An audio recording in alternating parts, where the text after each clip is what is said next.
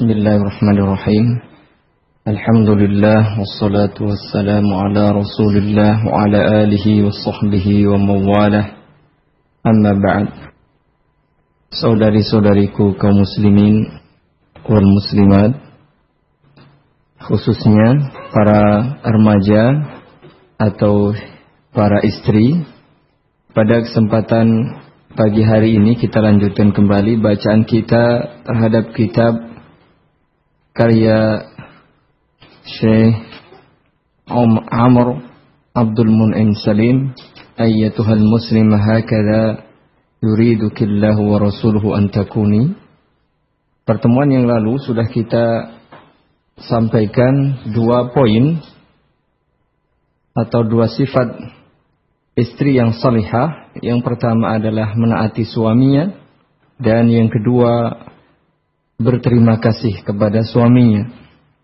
Ada baiknya kita singgung sebentar disebutkan dalam salah satu hadis riwayat Imam Nasai bahwa Rasulullah Sallallahu Alaihi Wasallam pernah ditanya tentang wanita terbaik, artinya seorang istri yang baik, paling baik bahkan.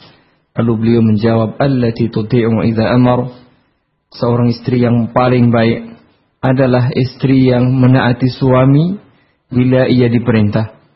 Wa tasurru idza nazar. Menyenangkan pandangan suaminya bila ia melihatnya. Wa tahfadhuhu fi nafsiha wa malih. Dan yang ketiga, seorang istri yang bisa menjaga kehormatan dirinya dan menjaga harta suaminya. Ini beberapa sifat yang harus dimiliki bila seseorang ingin menjadi wanita terbaik. Tidak mudah memang, kelihatannya sepele tetapi mesti prakteknya tidak mudah. Mengapa? Karena gelar terbaik mesti harus dilalui dengan sebuah perjuangan, pengorbanan, dan kesabaran. Tanpa itu semua, saya kira tidak akan bisa dicapai. Namun demikian, siapa saja yang bersungguh-sungguh, Allah subhanahu wa ta'ala insya Allah akan memberikan jalan keluarnya dan kemudahan baginya. Kemudian yang kedua, hendaknya seorang istri menjadi orang yang pandai-pandai bersyukur kepada Allah, kemudian berterima kasih kepada sang suami. Bahkan dalam sebuah hadis riwayat Imam Nasai Ar-Rasul sallallahu alaihi wasallam pernah bersabda la yanzurullahu ila imra'atin la tashkuru li zawjiha wa hiya la tastaghni an Allah tidak akan melihat seorang wanita yang tidak mau bersyukur, tidak mau berterima kasih kepada suaminya, padahal sesungguhnya ia masih membutuhkan sang suami. Setiap hari diberi nafkah, setiap saat dilindungi, dijaga, diberi kasih sayang, cinta, perhatian, bahkan dengan suaminya lah ia mendapatkan anak keturunan.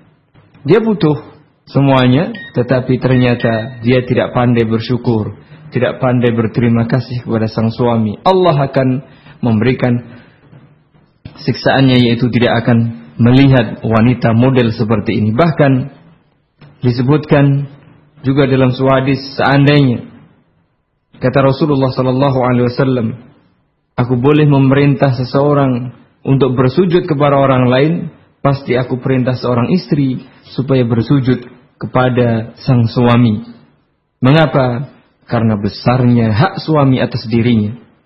Bahkan seandainya seorang istri ini sudah berusaha semaksimal mungkin menunaikan kewajiban dirinya terhadap suaminya, maka belum bisa dikatakan betul-betul menunaikan kewajiban itu bahkan seandainya dia harus menjilati, maaf saja, ya, nanah yang ada di sekujur tubuhnya, maka belum dianggap bisa menunaikan kewajiban dia terhadap suaminya, disebabkan oleh besarnya hak suami itu atas dirinya. Karena itu, wahai para remaja muslimah khususnya, para istri, para ibu, hendaknya menyadari kembali tugas berat dan kewajiban yang tentu saja mulia sebagai seorang wanita, sebagai seorang istri untuk menjadi wanita terbaik. Kemudian poin ketiga atau salah satu sifat yang harus dimiliki oleh seorang wanita bila hendak menjadi atau bila ingin menjadi wanita terbaik hafizatun lahu fi malihi wa irdi.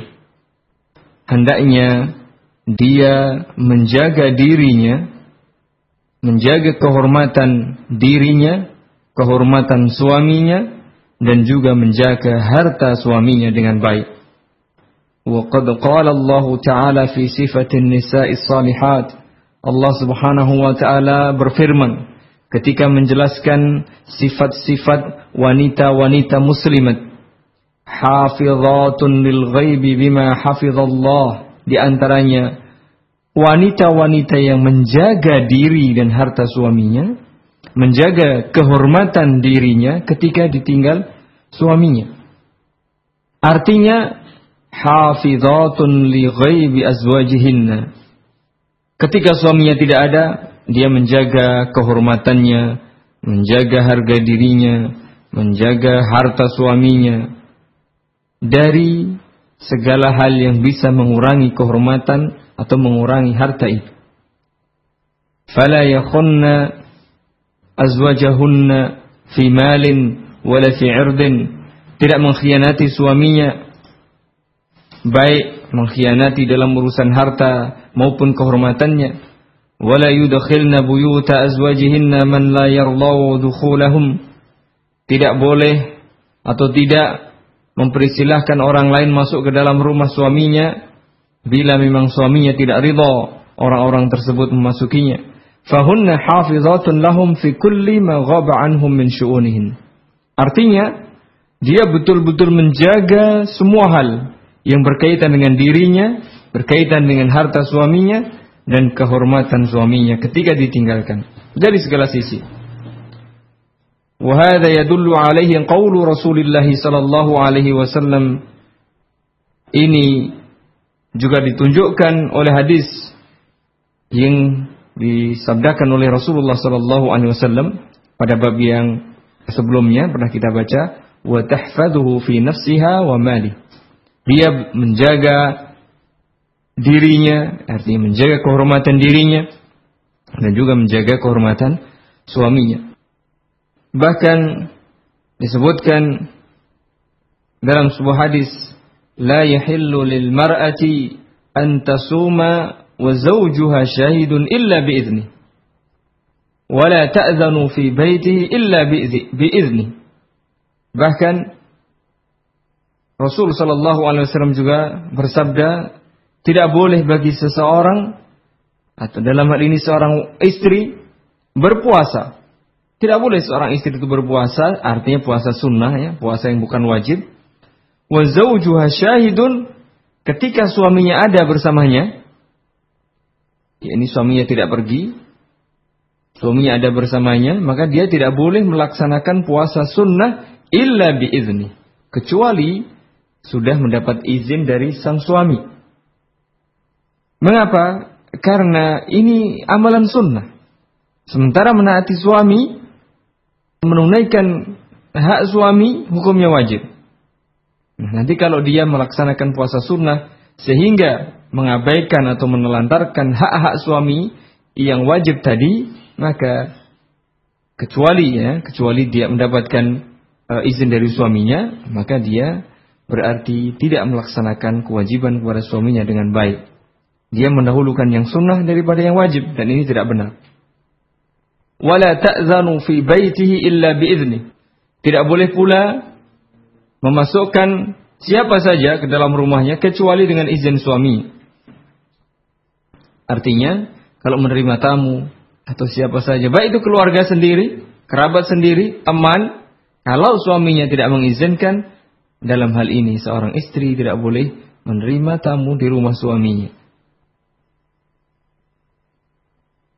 Lantas bagaimana ketika sang suami sedang bepergian? Bagaimana cara meminta izin atau mengetahui bahwa suami saya ini mengizinkan atau tidak?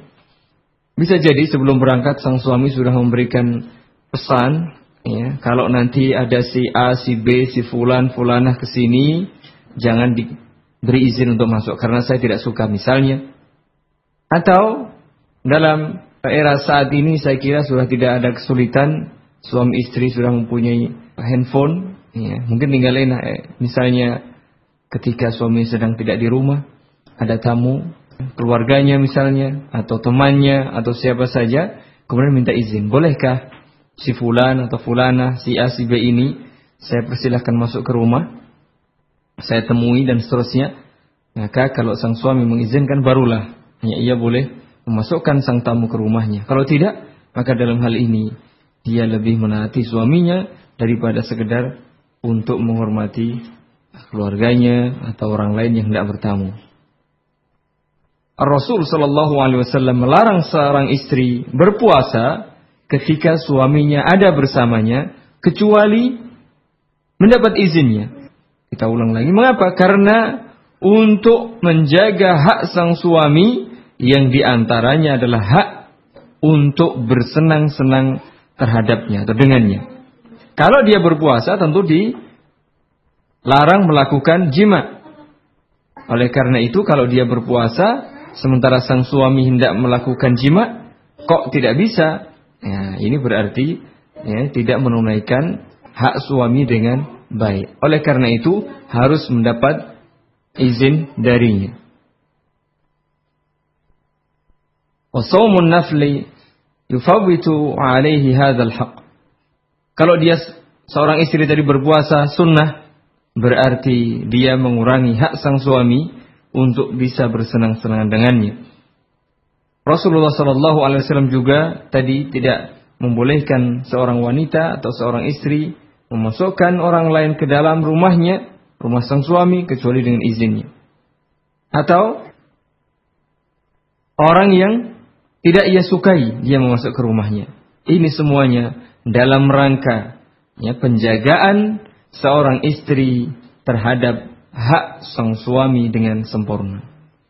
Jadi sekali lagi sifat yang ketiga yang harus dimiliki seorang wanita yang ingin menjadi wanita terbaik, wanita yang salihat, yang menjadi wanita unggulan, wanita teladan, yaitu menjaga kehormatan suaminya, menjaga perasaan suaminya, menjaga kewibawaan suaminya, dan juga menjaga harta sang suaminya.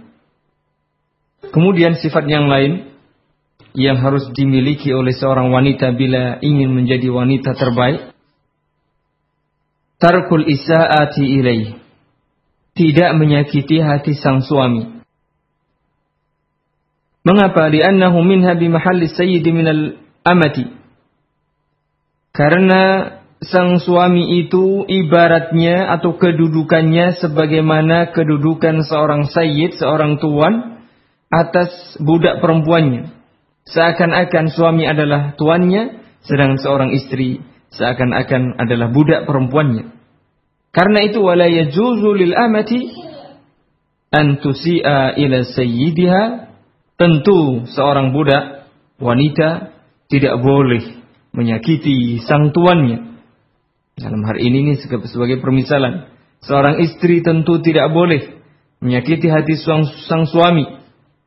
Li'azami ma lahu minal haqqi 'alaiha disebabkan oleh besarnya hak sang suami atas dirinya sebagaimana besarnya hak seorang tuan atas budaknya. Ini perlu diperhatikan karena sebagian masih ada juga seorang istri yang berani kepada suaminya, seorang istri yang tidak hormat kepada suaminya, ketika diperintah membantah, ketika dinasihati malah ganti menasihati dan seterusnya dan seterusnya. Tidak pernah mendengar saran-saran nasihat dari sang suami. Tidak menunaikan hak-haknya dan seterusnya. Tidak menyayangi anak-anaknya. Bersikap keras dan kasar kepada anak-anaknya. Ini tentu saja hal-hal yang menyebabkan sang suami menjadi sakit hati. Padahal waqad qala Nabi sallallahu alaihi wasallam Nabi pernah bersabda, لا tu'zim ra'atun زوجها في الدنيا إلا قالت زوجته من الحور 'aini لا تؤذيه قاتلك الله فإنما هو عندك دخيل يوشك أن يفارقك إلينا Bila seorang wanita menyakiti hati sang suaminya di dunia ini, pasti calon istri suami tadi dari kalangan al-hurul ain, wanita-wanita surga akan berkata, "La tu'zi." Ya, jangan sekali-kali menyakiti dia. Ini para wanita ahli surga, ini para wanita surga yang calon ya sebagai calon istri-istri sang suami yang ketika dunia ini masih dimiliki oleh wanita lain. La tu'zi, jangan sakiti dia. Jangan sakiti calon suamiku. Qatalakillah. Ya, semoga Allah memusuhimu. Fa innama huwa indaki dakhilun. Ketahuilah dia itu yakni suamimu saat ini itu hanya menjadi suamimu sementara saja ketika di dunia. Yushiku an yufariqaki ilaina. Sebentar lagi dia akan meninggalkan dirimu dan menuju kepada kami. Artinya para calon istrinya yang berada di surga. Hati-hati. Senantiasa mendapatkan doa jelek. Ia mendapatkan uh, laknat ya, dari calon-calon istri sang suaminya itu. Bila dia ber, mencoba berani menyakiti hati sang suami. Dan bentuk menyakiti ini dengan berbagai macam. Bisa dengan ucapannya, bisa dengan uh, isyarat mata, isyarat tangan, bibir, ya, alis dan seterusnya, atau dengan gerakan bahu, ya, atau dengan perilaku, ya, mungkin dia tidak beradab, ya, berjalan, berdiri pada sang suaminya, ya, duduk atau berbaring, dia santai saja melangkainya dan seterusnya, menyakiti. Atau dengan perbuatannya tidak taat, ya, keras, kasar kepada dirinya tidak mau melaksanakan kewajibannya jadi istri yang pemalas istri yang kemproh apa artinya tidak mau berdandan istri yang tidak sayang pada anak-anaknya tentu saja ini menyakiti hati sang suami. Ya hati-hati bagi para wanita bagi para istri yang mencoba ya atau berani menyakiti hati sang suami. Maka calon istrinya nanti di akhirat, calon istrinya yang di surga akan senantiasa mendoakan jelek bagi anti. Tapi seandainya ya, para istri ini bersikap baik, menjadi istri yang teladan, taat pada suaminya, banyak-banyak bersyukur, menjaga dia kewibawaannya, bahkan menyenangkan tadi ya, e, tasurru idza nadhara, menyenangkan bila melihatnya, jangan sampai malah membuat hatinya sebel, hati sang suami sebel, muak, ya malas melihatnya.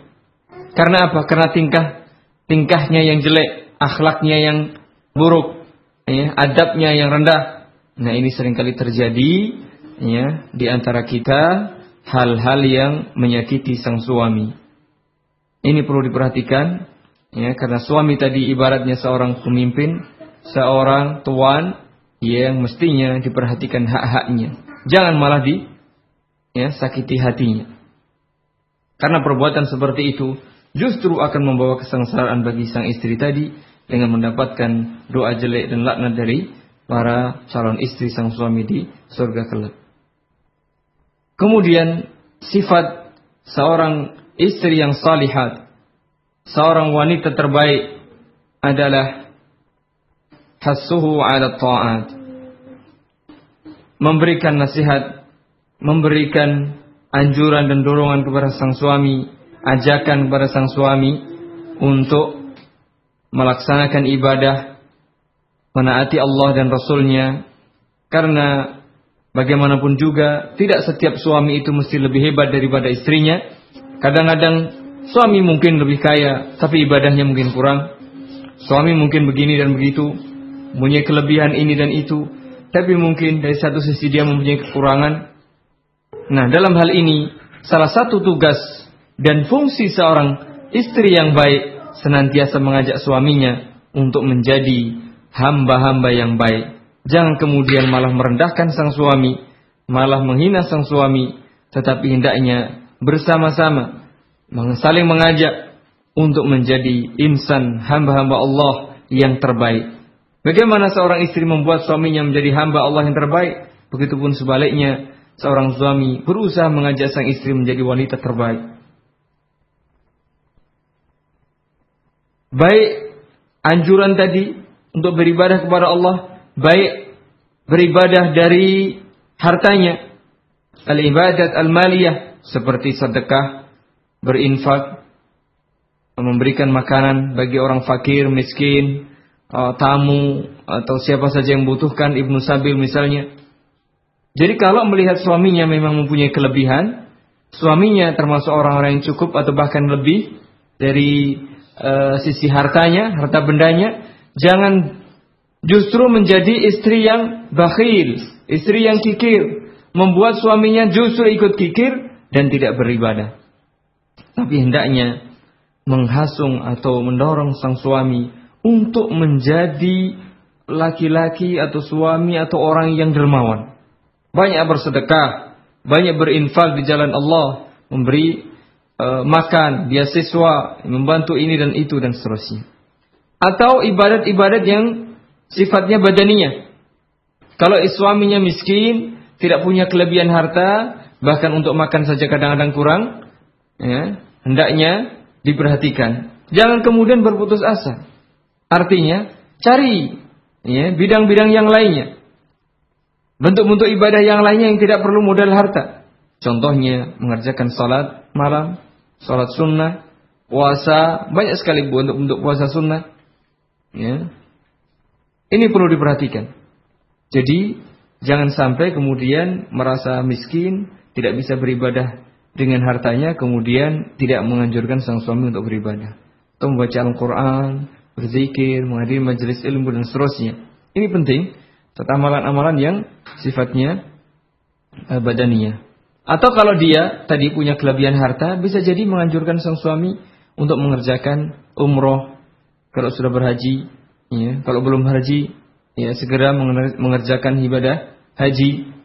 Atau ibadah-ibadah yang lainnya, misalnya silaturahim, menyambung hubungan keluarga, kadang-kadang kita juga terjadi sedikit kerenggangan di antara kerabat, di antara keluarga kita. Seorang istri yang baik jangan justru mengompori semakin agar semakin renggang, semakin jauh, tapi hendaknya mengingatkan sang suami supaya menjalin hubungan kepada kerabatnya dengan baik, dengan keluarganya, khususnya kedua orang tuanya. Ini penting sekali. Begitu pula mengunjungi teman-temannya.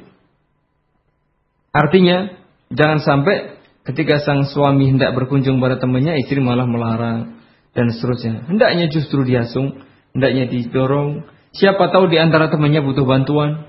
Bantuan mungkin harta, perhatian, nasihat, atau tenaga. Dengan mengunjungi saudara-saudara kita kaum muslimin bisa jadi nanti akan muncul ibadah-ibadah yang lain yang sebelumnya belum beri ketahui atau belum diduga. Karena Ketika seorang ikhwan mungkin tidak pernah muncul, bisa jadi dia karena ada urusan penting, atau sakit, atau tidak punya harta. Begitu kita kunjungi, oh ternyata bisa kita bantu. Nah sering kali demikian. Jangan sampai justru malah kita yang bersuudon para saudara-saudara kita. Kita coba untuk proaktif, untuk aktif mengunjungi. Jangan kemudian menunggu dikunjungi. Ini yang perlu diperhatikan. Atau pula mengunjungi orang-orang yang sakit. Banyak sekali faedahnya. Salah satu hadis yang menganjurkan seorang istri untuk mengajak, mendorong suaminya berbuat ibadah. Nabi sallallahu alaihi wasallam bersabda, "Rahimallahu imra'atan qamat min al-laili fa sallat wa ayqadat zawjaha fa shalla. Fa in aba nadahat fi wajhiha aw fi wajhihi al-ma'a." Allah Subhanahu wa taala memberikan rahmat kepada seorang wanita yang mengerjakan malam artinya sunnah, bangun, kemudian mengerjakan sholat malam, kemudian tidak hanya sholat sendiri, setelah itu dia membangunkan suaminya, sehingga suaminya pun ikut sholat, bahkan seandainya suaminya enggan untuk bangun, dia memercikkan air ke wajah atau di wajah sang suami. Dengan harapan apa? Dengan harapan agar sang suami juga ikut bangun dan mengerjakan sholat malam. Ini ya merupakan anjuran seorang istri yang baik untuk mengajak sang suaminya mengerjakan sholat sunnah. Dan seperti ini tentu saja ketika seseorang mengerjakan sol, satu amalan ibadah, kemudian mengajak orang lain, kemudian orang lain bisa atau mampu melaksanakan ibadah itu, maka dia akan mendapatkan pahalanya dan pahala orang yang mengerjakannya itu tanpa mengurangi ya, pahala orang yang mengerjakannya. Subhanallah. Jadi luar biasa sekali. Eh, Islam ini menganjurkan umatnya supaya banyak beribadah. Bahkan hanya dengan mengajak saja kita bisa mendapatkan uh, pahala orang yang mengerjakannya. Disebutkan juga dari Anas bin Malik radhiyallahu anhu beliau mengisahkan ada seorang laki-laki berkata, "Ya Rasulullah, inna fulan inna li fulanin nakhlatan." Wahai Rasulullah,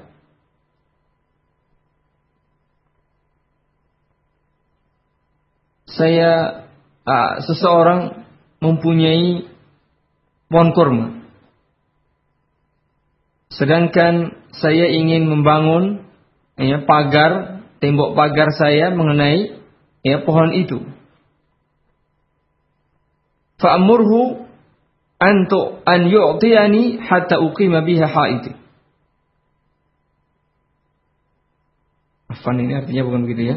Kata Rasul kata orang tadi, Wahai Rasulullah, si fulan itu mempunyai sebuah pohon kurma. Sedangkan saya ingin membangun ya, atau membuat tembok atau dinding rumah saya dengan apa namanya pohon kurma itu.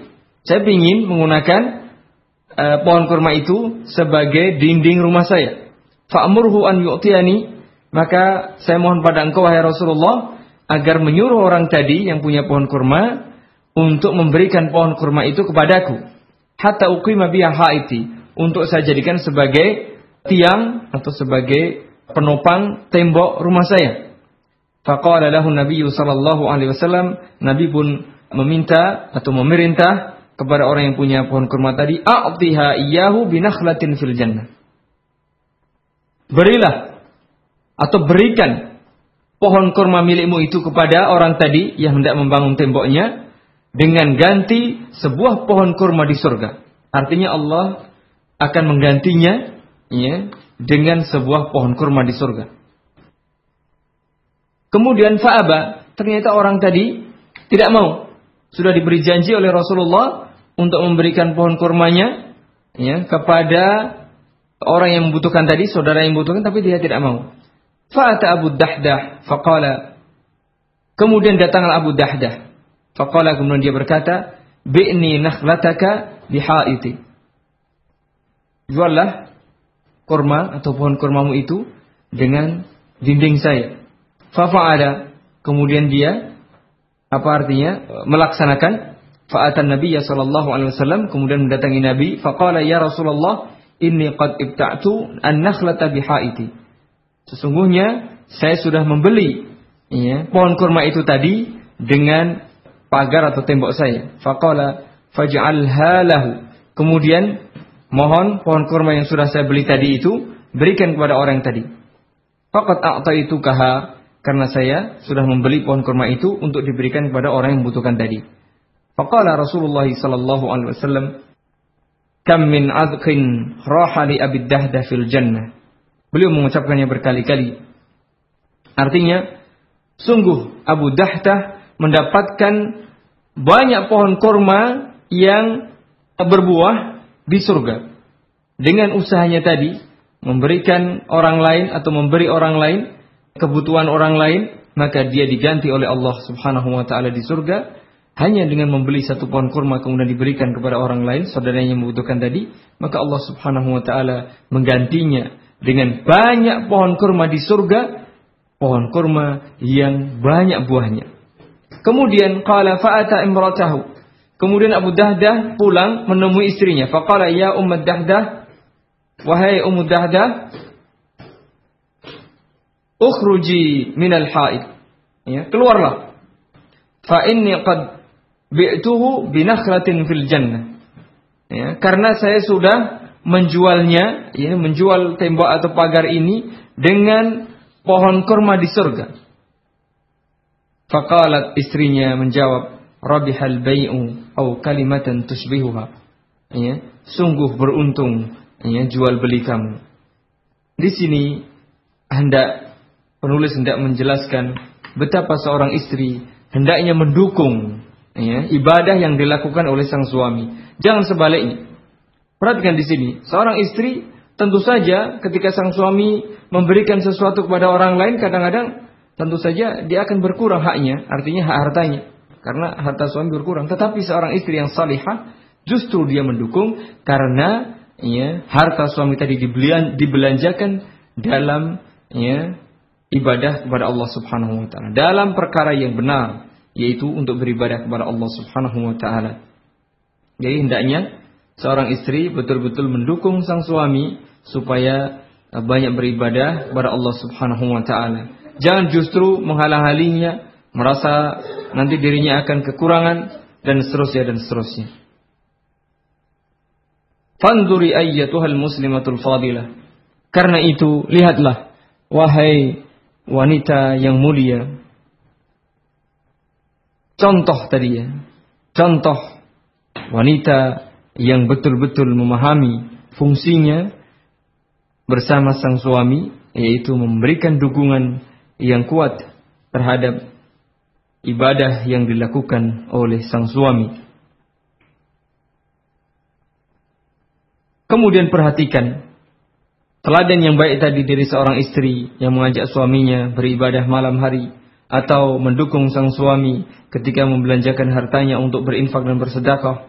Coba bandingkan, coba perhatikan dengan keadaan wanita saat ini atau kebanyakan wanita pada hari ini ketika suaminya berusaha untuk melakukan amalan-amalan kebaikan bisa jadi dia malah tidak peduli atau bahkan ya, sebagian di antara wanita, wanita tadi justru mengeluh justru uh, apa namanya mengingkari perbuatan suaminya yang baik ketika suaminya bersedekah, kemudian dia bercerita atau bahkan atau dia tahu, malah kemudian memaki sang suaminya, mengatakan bahwa dirinya tidak perhatian pada dirinya, suaminya tidak perhatian pada dirinya, ya lebih mementingkan orang lain daripada istrinya misalnya ini dan itu. Ini sering atau kadang-kadang kita dengar ucapan-ucapan istri yang tidak rela bila sang suami beribadah baik dengan harta, tenaga, pikiran maupun badannya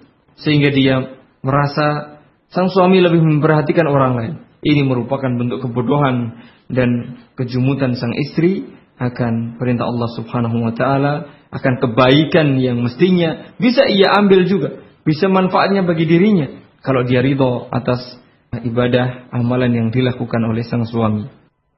Kemudian di sini ada satu kisah yang bisa dijadikan bandingan dengan para wanita saat ini atau sebagian wanita saat ini yaitu seorang wanita sahabiyat yang ketika menikah meminta mahar keislaman calon sang suami. Mari kita lihat ya, bagaimana sang suami sang istri ini betul-betul rela, betul-betul ridha dan ikhlas menerima keislaman sang suami sebagai maharnya. Ini hanya bisa dilakukan oleh seorang wanita yang betul-betul hebat, termasuk wanita-wanita terbaik yang mempunyai agama yang kuat dan betul-betul menginginkan kebaikan bagi orang lain. Di antaranya adalah kebaikan bagi sang suami. Beliau adalah sahabiat yang sudah terkenal Ummu Sulaim Al-Ansariyah radhiyallahu anha wa ardaha.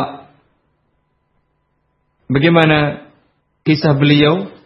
Mari kita dengar penuturan dari Anas bin Malik yaitu anak beliau sendiri yang mengisahkan Ummu Sulaim istrinya, Afan, ibunya, khataba Abu Talha Umma Sulaim.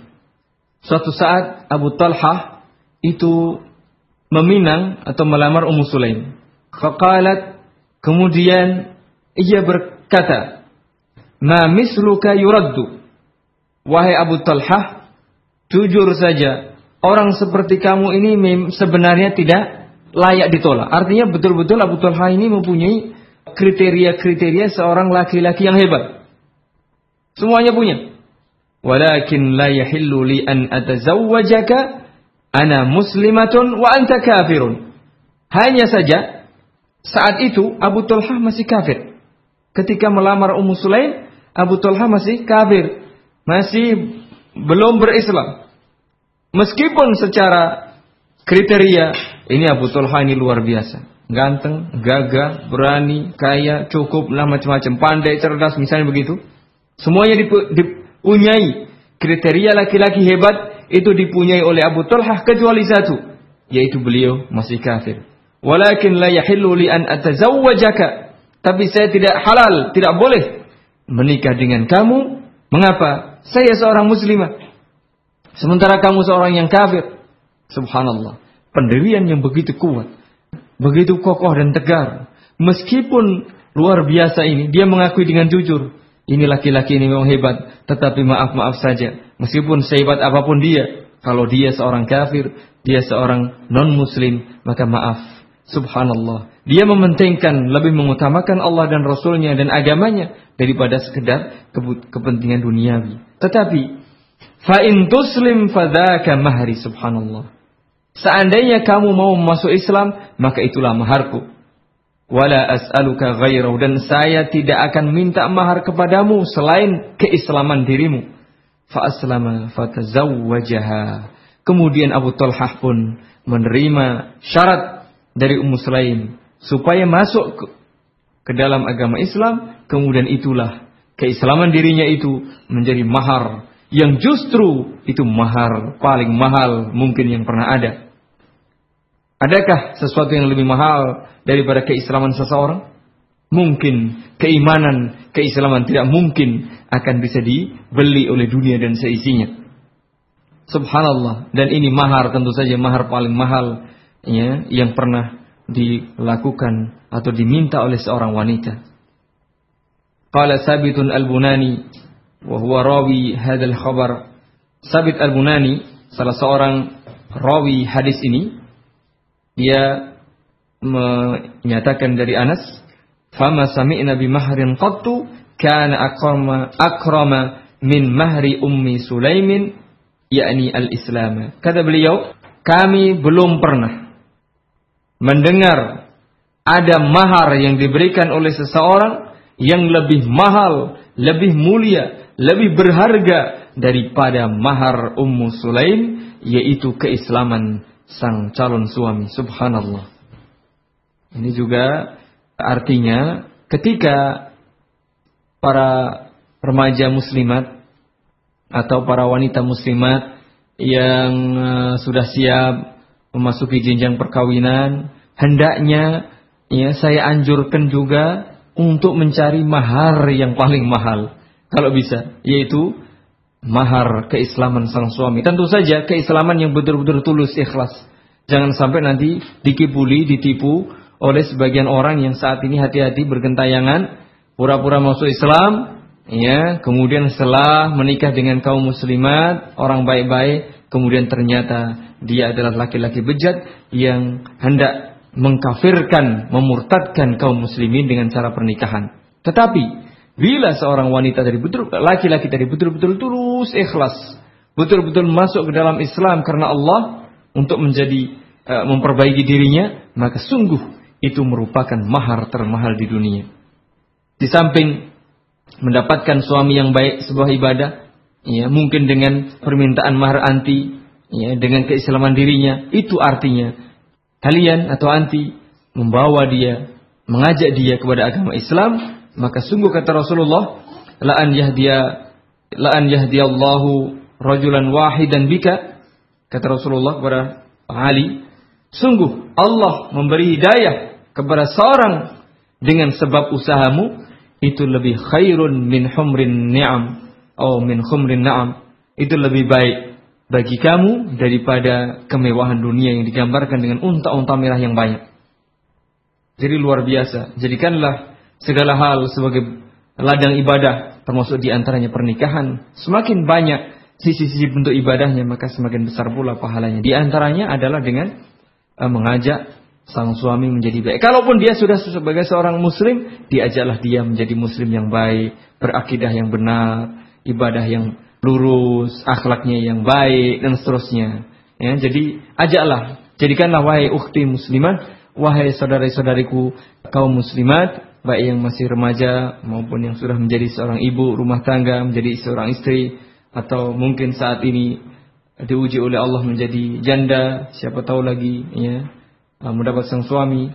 Usahakan kedudukan kalian sebagai seorang istri ya, jadikanlah itu sebagai ladang ibadah. Mengajak sang suami beribadah bersama-sama lebih meningkatkan kualitas ibadah kepada Allah ya dalam segala hal akidahnya ilmunya mengingatkan sang suami untuk belajar mengajak menghadiri majelis ilmu atau membaca buku atau mendengarkan kaset radio dan seterusnya ya kajian-kajian ilmiah menganjurkan supaya bersedekah kepada orang yang membutuhkan jangan sebaliknya mengajak untuk silaturahim berbakti kepada orang tua dan seterusnya dan seterusnya. Banyak sekali amalan-amalan ibadah yang sering kali muncul dari anjuran, dorongan dan peringatan dari seorang istri. Inilah fungsi seorang istri yang salihah. Jadi saya kira demikian beberapa kriteria atau karakteristik sifat seorang wanita yang muslimah di antara yang kita sebutkan di sini adalah suka menganjurkan eh, sang suami untuk beribadah kepada Allah dalam segala bentuk ibadahnya baik dengan uh, harta maupun ilmu maupun tenaga pikiran dan semuanya. Kemudian tadi juga ada tidak menyakiti sang suami, artinya berusaha semaksimal mungkin untuk mencari keridhaan seorang istri. Bahkan dalam sebuah hadis disebutkan setiap wanita yang meninggal dunia dalam keadaan suaminya ridho kepadanya, dakhalatil jannah, maka dia dijamin masuk surga. Jangan sekali-kali, hendaknya kalau hadis ini diletakkan di depan matanya, senantiasa dibaca setiap hari, ditempel di dindingnya atau ditulis di bukunya. Ini sudah cukup sebagai peringatan bagi seorang wanita untuk tidak menyakiti hati sang suami. Tapi sungguh betapa banyak masih banyak uh, para istri yang suka menyakiti hati suaminya. Padahal suaminya sudah berusaha memberikan hak-hak dirinya. Sungguh ini termasuk wanita-wanita yang kufur nikmat dan termasuk wanita-wanita yang diancam ya memasuki neraka Allah Subhanahu wa taala. Kemudian juga wanita yang menjaga dirinya, kehormatan dirinya, kehormatan suaminya dan juga harta suaminya. Ini yang bisa kita sampaikan. Mudah-mudahan ada manfaatnya sebagai peringatan kepada kita sang suami juga secara umum dan khususnya bagi para istri dan calon istri-istri mudah-mudahan ada manfaatnya dan mudah-mudahan Allah Subhanahu wa taala mengikatkan para istri yang masih lupa, yang lalai atau belum tahu menjadi istri-istri yang salihah, wanita-wanita terbaik yang bisa menyenangkan sang suami, tentu saja membawa kebaikan bagi dirinya, bagi suaminya dan kebaikan bagi anak, cucu dan saudara-saudaranya. Sekian, mudah-mudahan ada manfaatnya, kurang lebihnya saya mohon maaf. Subhanakallahumma bihamdika asyhadu an la ilaha illa anta astaghfiruka wa atubu ilaik. Assalamualaikum warahmatullahi wabarakatuh. Kita beralih ke pertanyaan pesan singkat yang sudah masuk. Assalamualaikum warahmatullahi wabarakatuh, Ustaz. Waalaikumsalam warahmatullahi wabarakatuh. Adakah solusi untuk memilih wanita soleha di antara wanita-wanita soleha yang ada selain kita iringi dengan sholat istikharah dan ternyata sulit juga untuk memilih wanita soleha tersebut Ustaz. Bagaimanakah solusinya Ustaz? Tafadhal. Bismillah, alhamdulillah. Salatu wassalamu ala rasulillah wa ala alihi wa sahbihi wa. Jadi ada beberapa kalau sudah mendapatkan mungkin info tentang beberapa wanita yang dianggap salihat, tentu saja kemudian pilih saja kira-kira mana yang sesuai dengan kriteria yang diinginkan. Seorang ikhwan saya ingin istri yang demikian-demikian. Secara umum jelas. Dia mestinya seorang wanita yang baik, beriman, berakidah benar, berakhlak mulia, ibadahnya baik, dan semuanya begitu. Mungkin ada kriteria-kriteria yang sifatnya khusus. Artinya begini. Wah saya tidak suka wanita, dia salihah semuanya misalnya. Ada beberapa wanita yang salihah, semuanya baik semuanya. Tapi kan tidak semuanya cocok kadang-kadang. Belum tentu wanita yang baik, kemudian ini cocok dengan kita. Artinya saya ingin wanita yang cerdas. Ya, ada yang saya ingin yang rambutnya misalnya panjang misalnya. Atau saya ingin yang orangnya gemuk. Atau yang satu pengen yang kurus. Mungkin dia salihat, dia kaya, dia cerdas, tapi dia misalnya orangnya krempeng. Wah nggak cocok. Ya sudah. Cari yang yang kamu kan begitu. Jadi artinya kita kan ada ada bisa bertanya. Bisa bertanya kepada temannya, bisa bertanya kepada keluarganya. Ini orangnya kayak apa begitu ya. Artinya fisiknya bagaimana ya dan seterusnya dan seterusnya. Kemudian setelah mantap tentu saja kemudian istikharah, kemudian lanjutkan. Lebih cepat lebih baik. Kan begitu. Ya, jadi jangan karena ada model seorang ikhwan yang sekedar coba-coba. Artinya uh, kurang sedikit kemudian tidak mau. Kurang sedikit tidak mau. Begitu artinya akhirnya ke mana-mana jadi tukang nazar saja atau tukang tukang apa pinang ya tukang tukang rak apa melamar saja, tapi tidak pernah menikah. Karena apa? Ini perlu diperhatikan tadi. Di samping ada kriteria secara umum, nah mungkin ada kriteria khusus dan perlu difahami bahwa setiap orang mesti punya kekurangan. Itu yang harus disadari semua. Setiap orang punya kekurangan. Selama kekurangan itu tidak prinsip, maka juga lihatlah diri Anda. Saya yakin Anda ini berlepotan dengan kekurangan, sering kali lupa diri. Poinnya yang ingin cari wanita yang sempurna sementara kita ini ya sangat jauh dari kesempurnaan. Itu juga tidak tepat.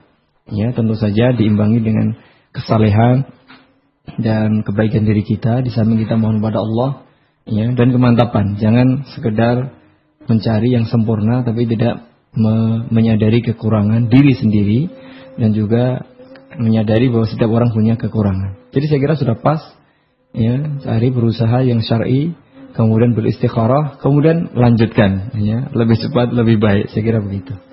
Wallahu taala alam Pertanyaan berikutnya Ustaz. Assalamualaikum warahmatullahi wabarakatuh Ustaz. Waalaikumsalam warahmatullahi wabarakatuh. Bagaimana mengetahui bahwa seorang ikhwan itu mempunyai akhlak dan agama yang baik? Karena kebanyakan akhwat terkadang kecewa melihat hanya sepintas saja, tapi setelah biduk rumah tangga berjalan tidak seperti yang diharapkan. Mohon nasihat dari Ustaz. Bismillahirrahmanirrahim. Salatu wassalamu ala rasulillah wa ala alihi wa wa mawala. Yang jelas dilihat dari di antaranya tentu saja orang lain. Jadi melihat jangan sepintas, apalagi cuma sepintas. Maka salah satu cara mencari itu dengan meminta bantuan orang yang bisa dipercaya. Jadi orang yang dipercaya ini betul-betul menjamin, memberikan jaminan bahwa si A begini begitu. Jangan hanya katanya katanya, atau bahkan dia sesungguhnya orang ini nggak tahu, cuma dikasih tahu juga. Nih, jangan sampai. Jadi betul-betul percayakan urusan mencari jodoh ini kepada orang yang anda percaya. Ya, dan orang ini betul-betul tahu. Misalnya, oh ini ada seorang ikhwan baik begini-begini. Betulkah dia kenal betul? Maka disebutkan Al-mar'u ala dini khalili. Seseorang itu menurut agama teman dekatnya. Nah, dalam hal ini carilah info dari teman dekatnya. Itu yang paling tahu.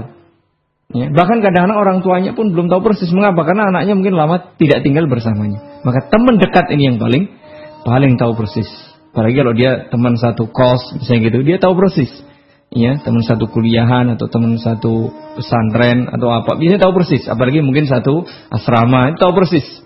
Bagaimana sih akhlak si A si B bagaimana ibadahnya bagaimana tingkat keilmuannya ya, dan seterusnya dan seterusnya. Ini memang harus cari sisi melik apa bahasanya cari info sebanyak banyaknya nah, nyebar intel lah biasanya begitu ya. Mungkin bahasa uh, begitu. Nah ini memang harus betul-betul begitu. Kalau perlu ya dalam ta'aruf atau saling kenal itu betul-betul siapkan pertanyaan yang banyak. Kemudian nanti di cross check. Data masuk, ya, kemudian ada fake apa itu namanya? And property apa namanya? Istilah orang kalau mau jadi diangkat jadi menteri harus di anu dulu ya, dicek dulu. Ya. Kemudian disesuaikan antara data yang masuk, kemudian diwawancarai, kemudian dicek lagi dengan sahabatnya. Ini paling penting. Betulkah si A si B seperti ini? Ya, ini paling bagus. Di antaranya demikian. Jadi memang ada saya dikasih tahu juga beberapa kasus.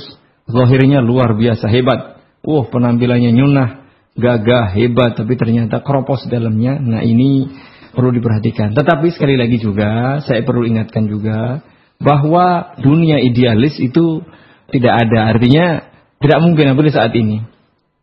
Artinya begini, bahwa setiap orang mesti punya kekurangan. Jadi jangan sampai kemudian saklek harus idealis, kita sendiri tidak idealis. Kita butuh mencari yang mendekati sempurna, tapi kalau sempurna kayaknya berat. Mesti ada kekurangan.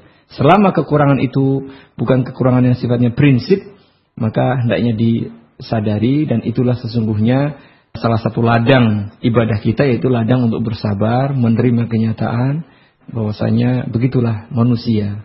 Kesempurnaan manusia adalah ketidaksempurnaan dirinya. Jadi mohon diperhatikan. Termasuk juga bagi akhwat dan juga bersabar ketika menerima seorang suami yang mungkin ada satu dua sisi yang kurang sempurna. Begitu pula seorang ikhwan, hendaknya difahami ada satu sisi yang tidak masuk kriteria. Tapi lihatlah ya keumuman atau kebanyakan kriteria yang ada. Selama secara umum bagus, baguslah. Jadi jangan mencari kejelekannya, tapi coba tutupi kejelekan itu dan ya dicari kebaikannya. Wallahu taala alam bisawab. Demikian yang bisa saya sampaikan. Berkaitan dengan saat menazor ini Ustaz. Assalamualaikum warahmatullahi wabarakatuh. Ustaz. Waalaikumsalam warahmatullahi wabarakatuh. Perihal penting apa sajakah yang perlu ditanyakan pada saat menazor seorang akhwat Ustaz? Mohon nasihatnya. Perihal penting kan sebelumnya data biasanya sudah masuk. Iya kan? Kan sudah tahu. Kalaupun sebelumnya belum punya data, misalnya langsung mendadak begitu, ini ada akhwat oke, okay, dia siap-siap, nah menazor lah. Tanyakan semuanya. Tanyakan masalah. Toh sebelumnya Misalnya betul-betul tidak tahu artinya, nggak tahu ini anak ini siapa, tahu-tahu mungkin pergi ke suatu tempat, kemudian ada yang nawari, mau nggak nikah dengan anak saya misalnya. Nah itu betul-betul gelap ya. Artinya tanya semua akidahnya bagaimana, ibadahnya, pemahamannya, semuanya, manhajnya, semua. Tapi kalau sudah ngerti, oh ini akhwat ini anak suka ngaji, ya dia ngaji ahlus sunnah. Secara umum sudah tahu, ya sudah, tinggal nanti tanya ini sifatnya sifatnya rinci. Misalnya ya keluarganya termasuk di antaranya adalah Rasulullah bersabda tazawwadu al-waluda al-wadud. Nikailah gadis-gadis yang penuh kasih sayang dan banyak anak. Tanya termasuk di antaranya bagaimana wataknya ya mungkin dengan pertanyaan tidak langsung mungkin dengan kasus studi kasus ya kalau begini bagaimana sikapnya itu kelihatan dari kasih sayang tidaknya dia kalau langsung kepada dia Kemudian tanya keluarganya berapa, gitu. Saudaranya berapa, saudara ibu berapa, saudara bapak berapa. Itu penting untuk mengetahui uh, ini orang ini subur atau tidak.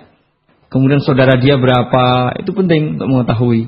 Jadi untuk ngetes subur tidaknya bukan dicoba kalau orang-orang sekarang ya pergaulan bebas atau tapi kalau pengen jelas yang pengen jelas-jelas itu ya ketahuan dia subur atau tidak ya nikahilah janda yang sudah banyak anaknya. Ini jelas. Kalau ini ini sudah tidak perlu bertanya. Wah ini anaknya banyak janda. Nah itu dia mesti subur. Jadi banyak hal yang ditanyakan. Terserah. Artinya kira-kira apa? Membuat hati anda menjadi mantap. Itu yang perlu dipertanyakan. Jadi boleh gak kita tanya misalnya ya hal-hal yang lain lah. Selama itu intinya lihatlah agar kita menjadi mantap. Jangan sampai nanti kecewa. Ini ya begitu. Kecewa nanti, loh ternyata kok begini ya. Salah sendiri waktu ta'aruf waktu nazar tidak dituntaskan. Ya artinya selesaikan, yang memang dibolehkan.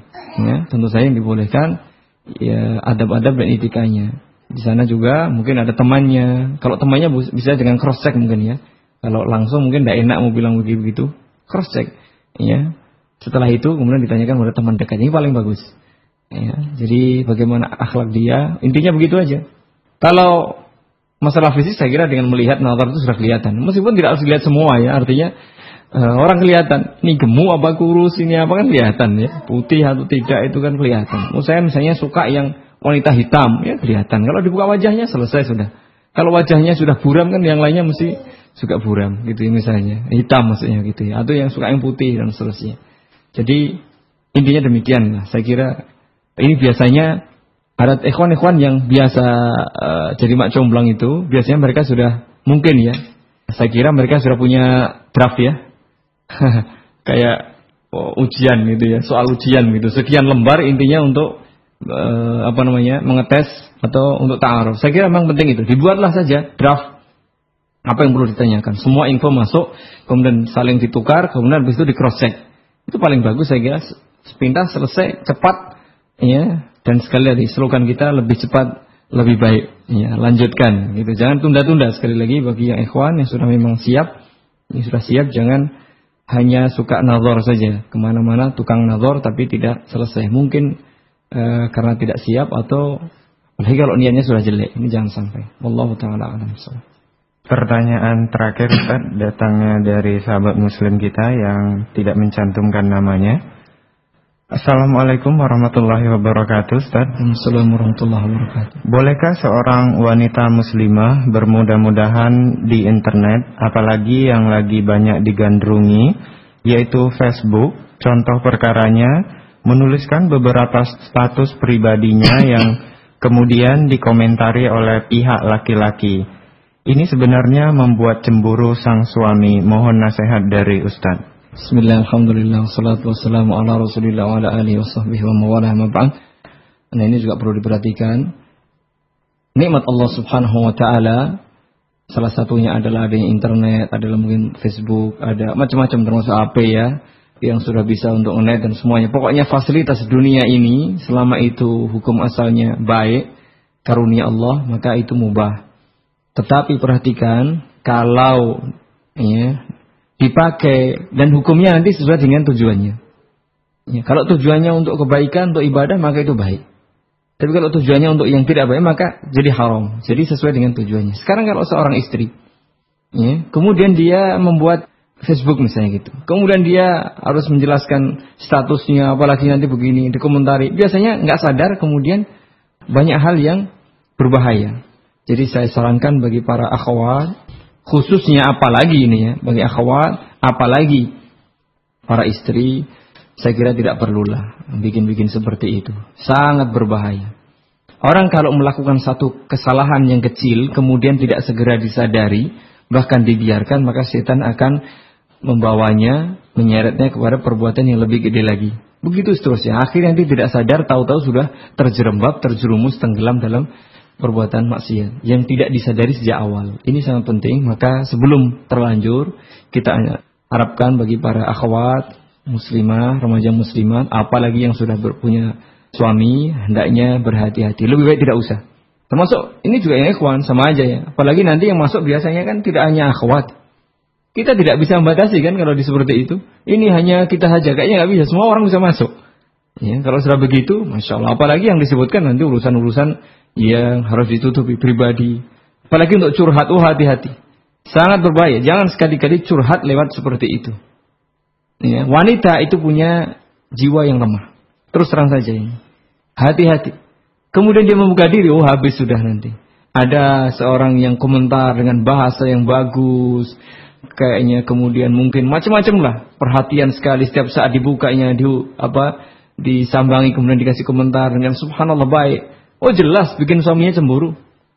Ya, kalau suaminya nggak cemburu nih suaminya dipertanyakan gitu. Ya, ini hati-hati.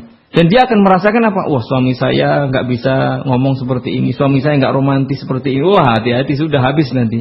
Akhirnya dia akan, ya itu tidak sadar dia sudah nyeleweng itu, meskipun dalam batas khayalan, dalam batas angan-angan. Dia sudah apa?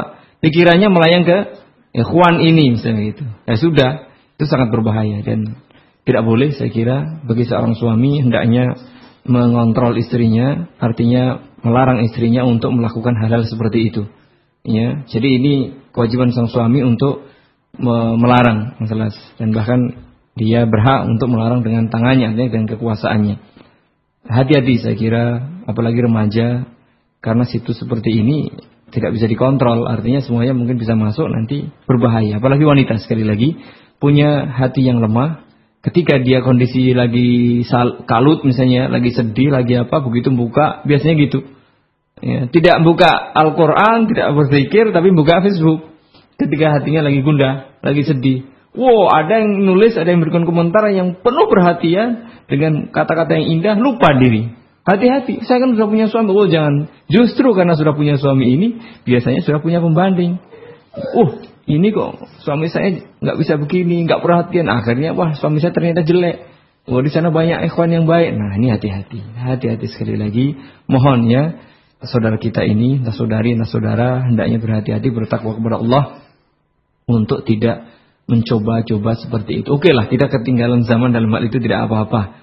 Ya, artinya kan tidak harus ya, tidak harus melakukan seperti itu. Kalau itu justru membawa banyak motorot, maka dalam hal ini hendaknya dilarang. Ya. Gunakan hal-hal yang memang bagi yang memang butuh di situ. Artinya untuk berdakwah, untuk ber, menyebarkan ilmu silakan dengan catatan dia bisa menjaga dirinya dan itu bukan katakanlah secara pribadi mungkin bersama-sama dengan temannya. Jadi semacam kelompok katakanlah begitu ya untuk mendakwahi saudaranya dan seterusnya. Kalau memang kalau memang sekali lagi ya maslahatnya atau manfaatnya lebih besar daripada montorotnya. Tapi kalau tidak lebih baik tidak usah. Ya dengan cara yang lain sajalah kita berkomunikasi. Termasuk dalam ini juga SMS-SMSan ya atau telepon-teleponan saya kira bukan berarti dilarang tidak. Ya, SMS dengan ikhwan atau telepon dengan ngomong dengan lain tidak, tetapi lihat kegunaan, lihat kondisi, lihat semuanya dulu pertimbangkan. Allah taala alam